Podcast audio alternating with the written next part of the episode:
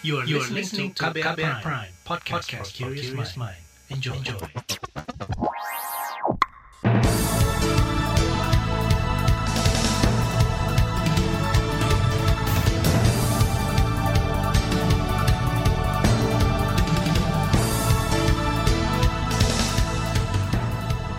Selamat pagi saudara, senang sekali kami bisa menjumpai Anda kembali melalui program Buletin Pagi edisi Jumat 4 November 2022.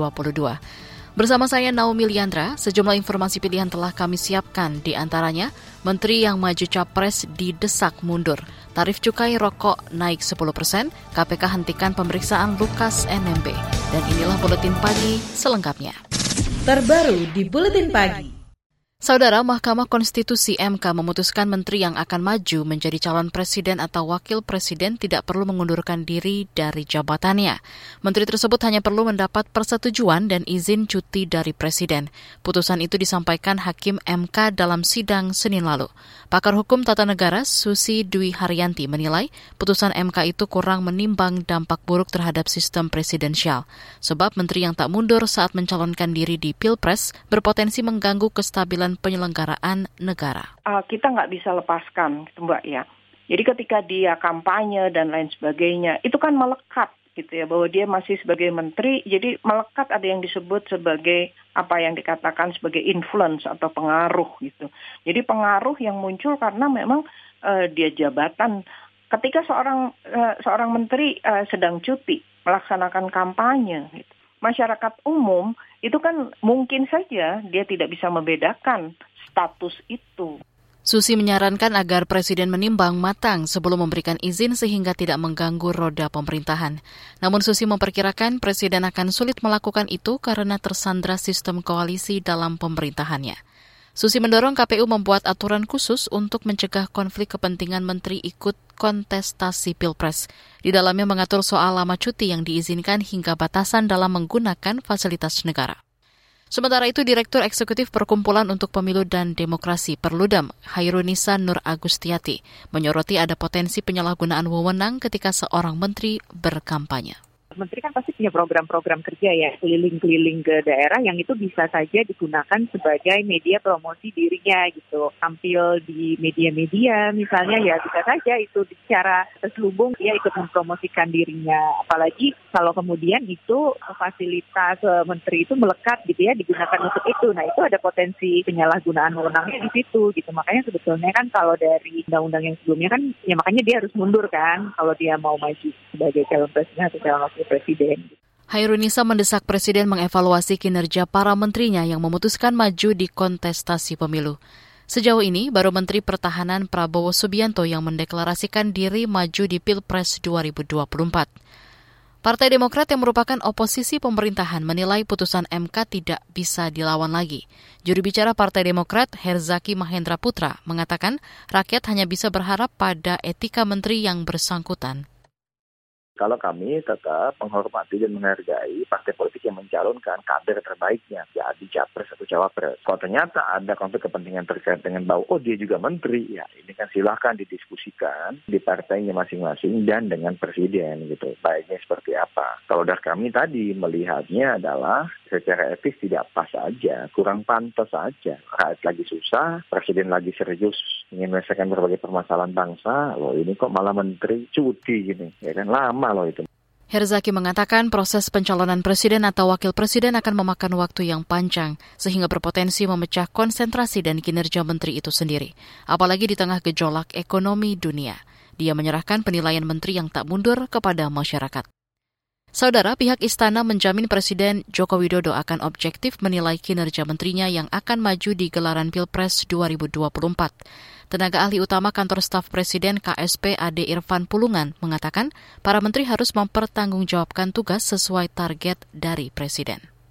Ketika dia dicalonkan sebagai eh, capres, tentu dia punya tugas juga untuk mengkampanyekan dirinya. Itulah diberikan pilihan. Kalau memang mengganggu sebagai tugas menteri ya presiden kan pasti akan mengevaluasi terhadap kinerja dia supaya program atau tugas-tugas kementerian itu bisa berjalan efektif sampai dengan masa jabatan berakhir. Ade Irfan juga mempersilahkan KPU untuk mengatur mekanisme menteri yang maju sebagai calon presiden atau wakil presiden. Sebelumnya Presiden Joko Widodo memerintahkan menterinya mengutamakan tugas negara meski berkontestasi dalam pemilu 2024. Jokowi berjanji akan mengevaluasi menteri yang berkinerja buruk. Saudara, pemerintah menaikkan tarif cukai rokok sebesar 10 persen. Informasinya akan hadir sesaat lagi. Tetaplah di Buletin Pagi KBR. You're listening to KBR Pride, podcast for curious mind. Enjoy!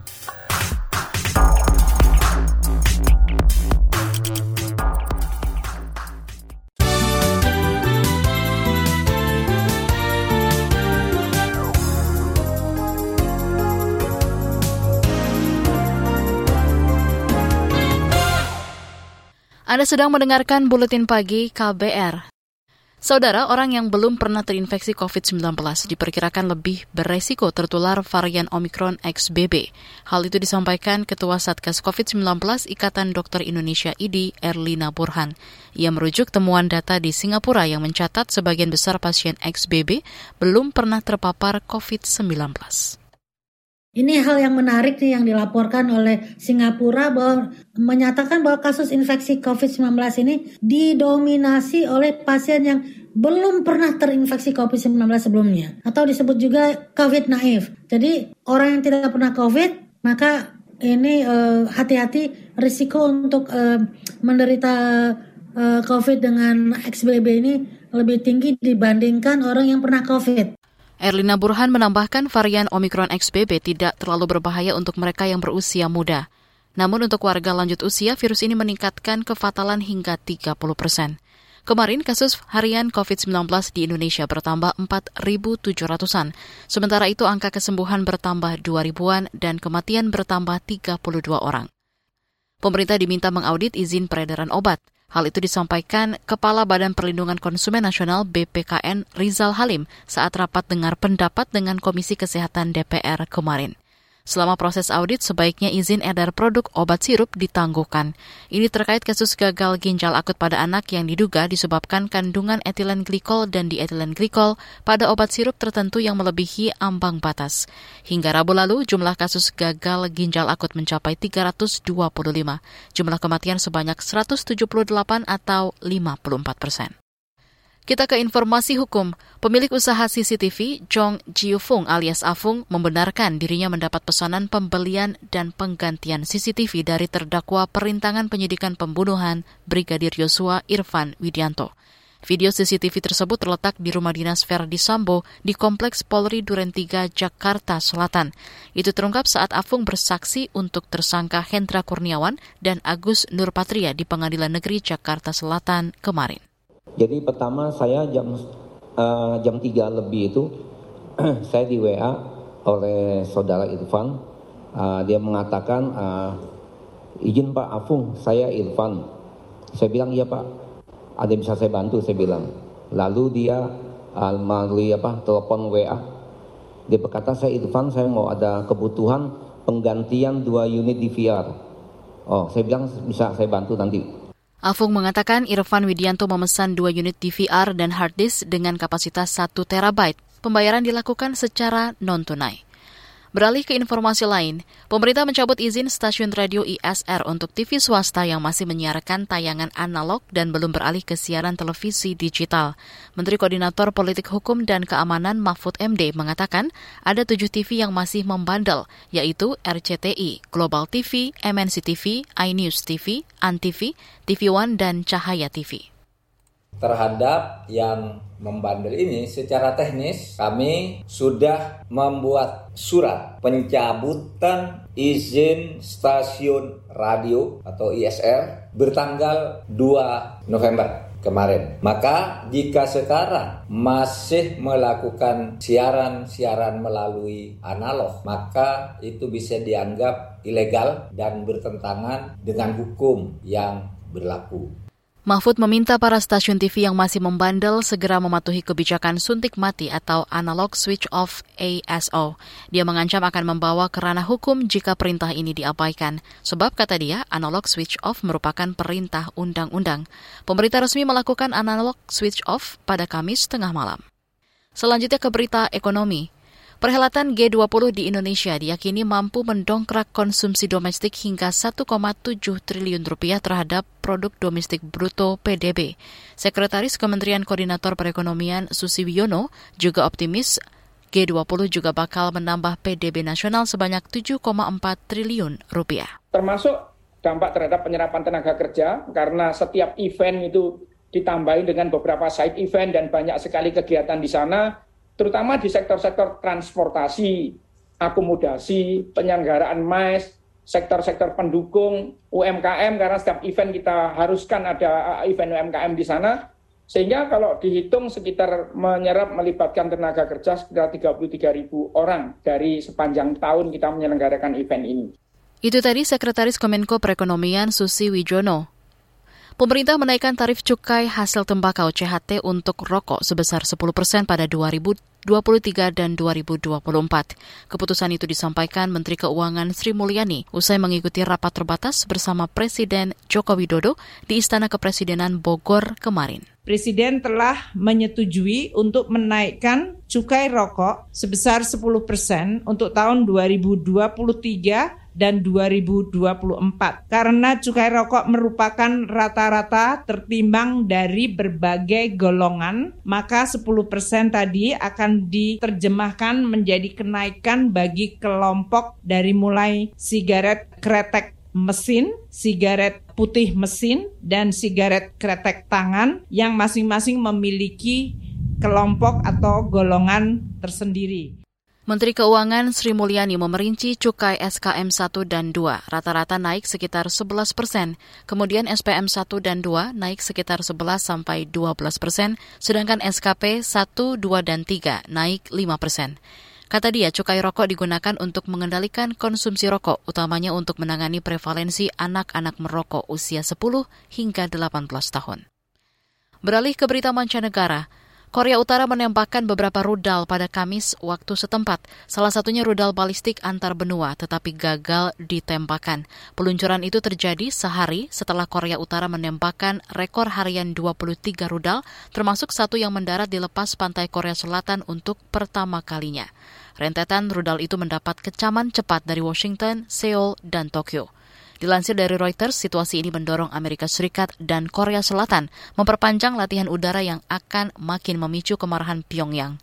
Itu adalah salah satu latihan udara terbesar sepanjang sejarah. Bekas Perdana Menteri Pakistan Imran Khan ditembak pada Kamis waktu setempat. Dilansir dari CNN, Khan ditembak di bagian kaki dalam percobaan pembunuhan di Karachi. Media lokal melaporkan Khan ditembak saat berada dalam kendaraan. Ia tengah memimpin pawai protes ke ibu kota Islamabad. Pawai itu dilakukan untuk menuntut pemilihan umum negara dilakukan lebih awal. Usai insiden, Khan langsung dibawa dari lokasi unjuk rasa untuk mendapatkan perawatan di Lahore. Kita beralih ke berita olahraga. Lima wakil Indonesia lolos ke perempat final kejuaraan bulu tangkis Haido Open. Di sektor tunggal putra, Anthony Ginting bermain apik sehingga mampu mengungguli pemain muda Jepang Kodai Naraoka dua set langsung. Jonathan Christie juga melenggang setelah susah payah mengalahkan rekannya sendiri Chico Dwi Wardoyo. Performa meyakinkan ditunjukkan pula oleh tunggal putri Gregoria Mariska Tunjung. Ia akhirnya mampu membalas kekalahan atas pemain tangguh Thailand Cho Chung Wong dalam laga ketat tiga game. Di sektor ganda campuran, Indonesia menempatkan dua pasangan, yakni Rinov Pita dan Rehan Lisa dari ajang sepak bola Liga Eropa. Manchester United mengalahkan tuan rumah Real Sociedad 1-0 Jumat dini hari tadi. Gol tunggal setan merah dicetak Alejandro Garnacho di menit ke-17. Meski kalah, Sociedad tetap memuncaki grup E karena unggul di selisih gol, sementara MU bakal masuk babak playoff. Di bagian berikutnya kami hadirkan laporan khas KBR tentang pelanggaran HAM dalam tragedi Kanjuruhan. Tetaplah di Buletin Pagi KBR. You're listening to KBR Pride, podcast for curious mind. Enjoy!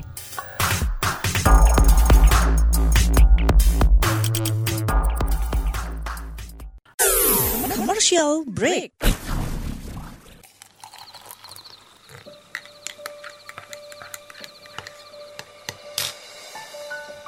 Hai, kamu apa kabar? Masih suka menikmati senja dan kopi? Aku masih ingat kebiasaan kita. Sehabis pulang kerja, selalu mencari tempat untuk sekedar ngobrol dan ngopi. Tapi kadang kita kehabisan bahan obrolan. Aku masih melakukan hal yang sama sampai sekarang tanpa harus takut habis bahan buat ngobrol. Karena aku selalu mendengarkan KBR sore dari Senin sampai Jumat jam 4 sore. Ah, aku rindu. KBR Inspiratif Terpercaya.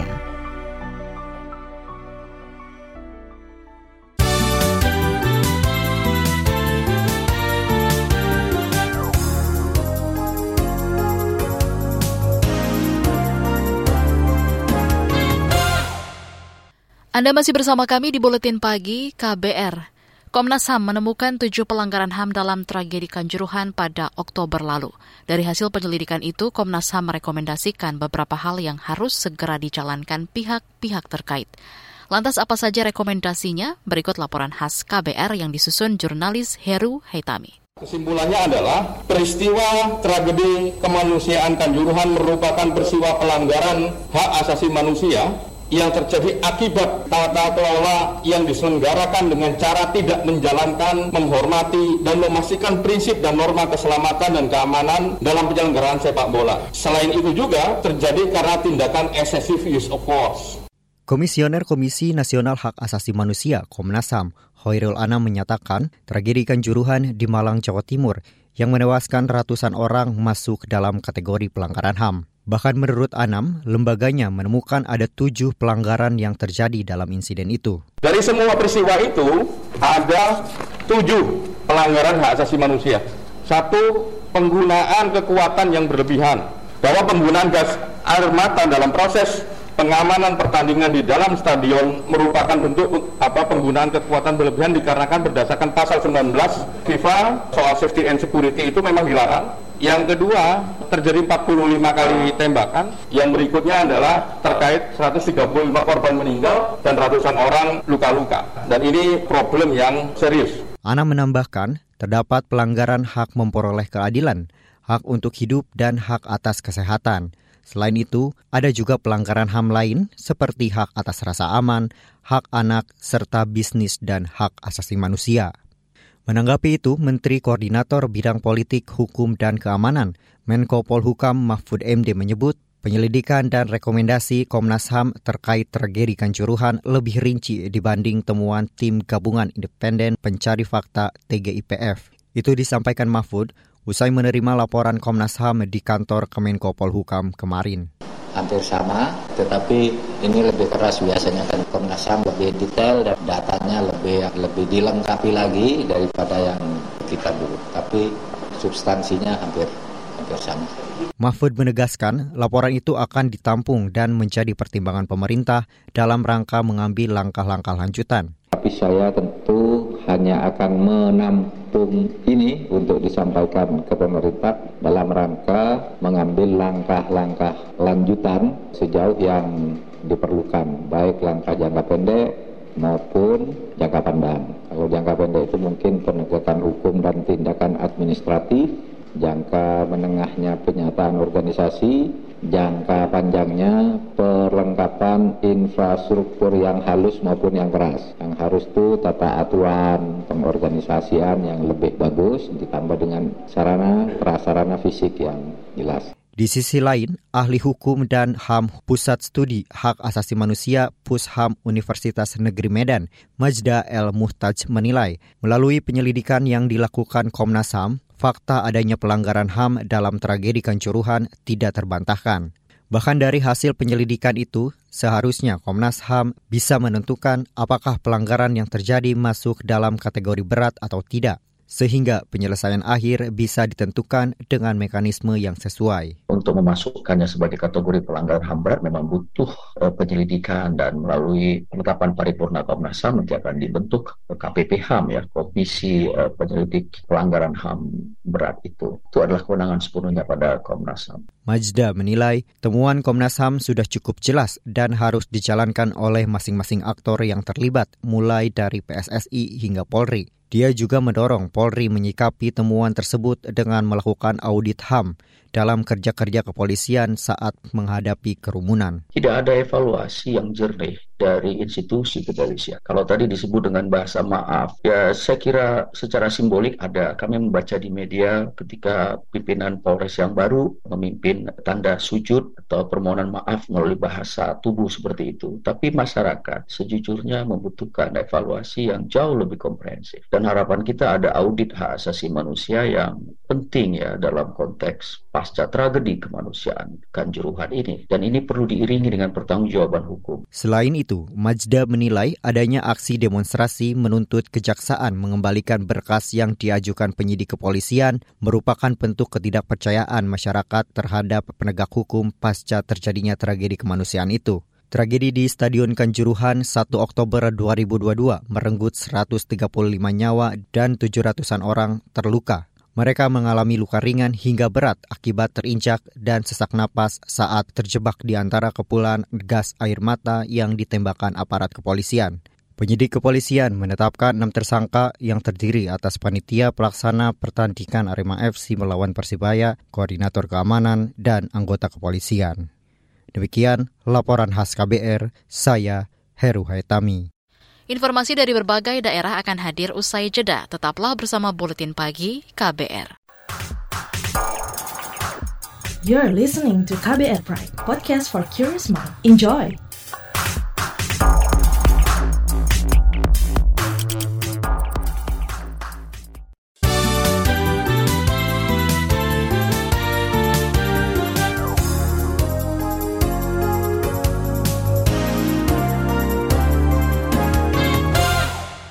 Inilah bagian akhir buletin KBR. Saudara penyidik Komisi Pemberantasan Korupsi KPK menghentikan pemeriksaan terhadap Gubernur Papua Lukas NMB kemarin.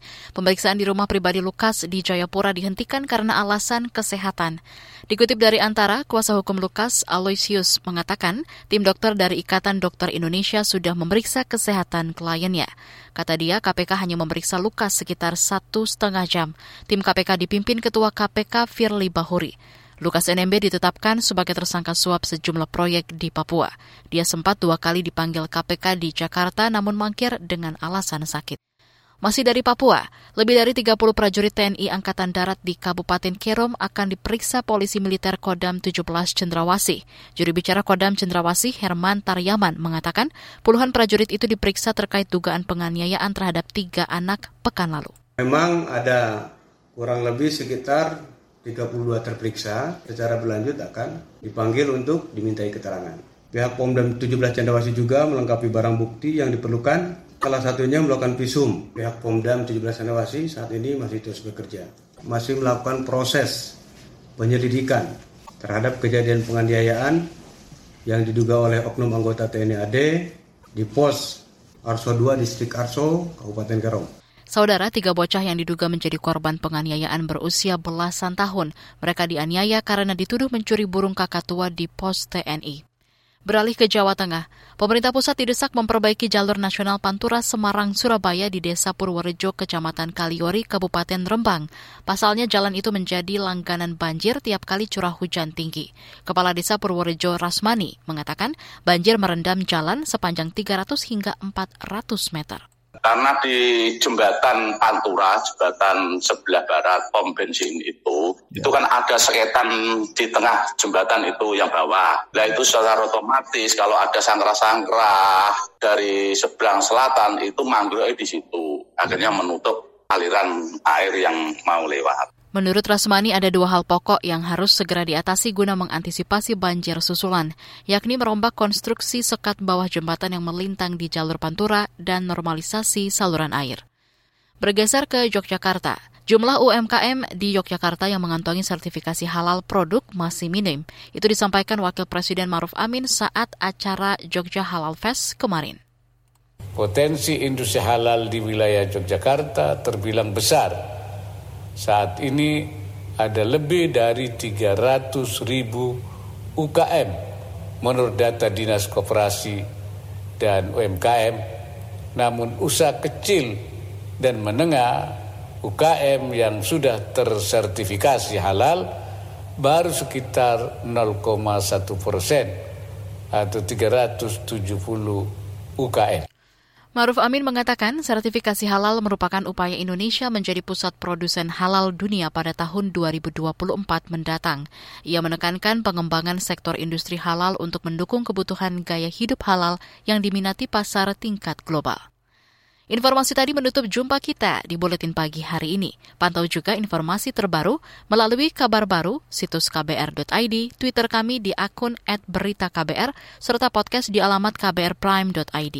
Akhirnya saya, Naomi Liandra bersama tim yang bertugas undur diri. Salam.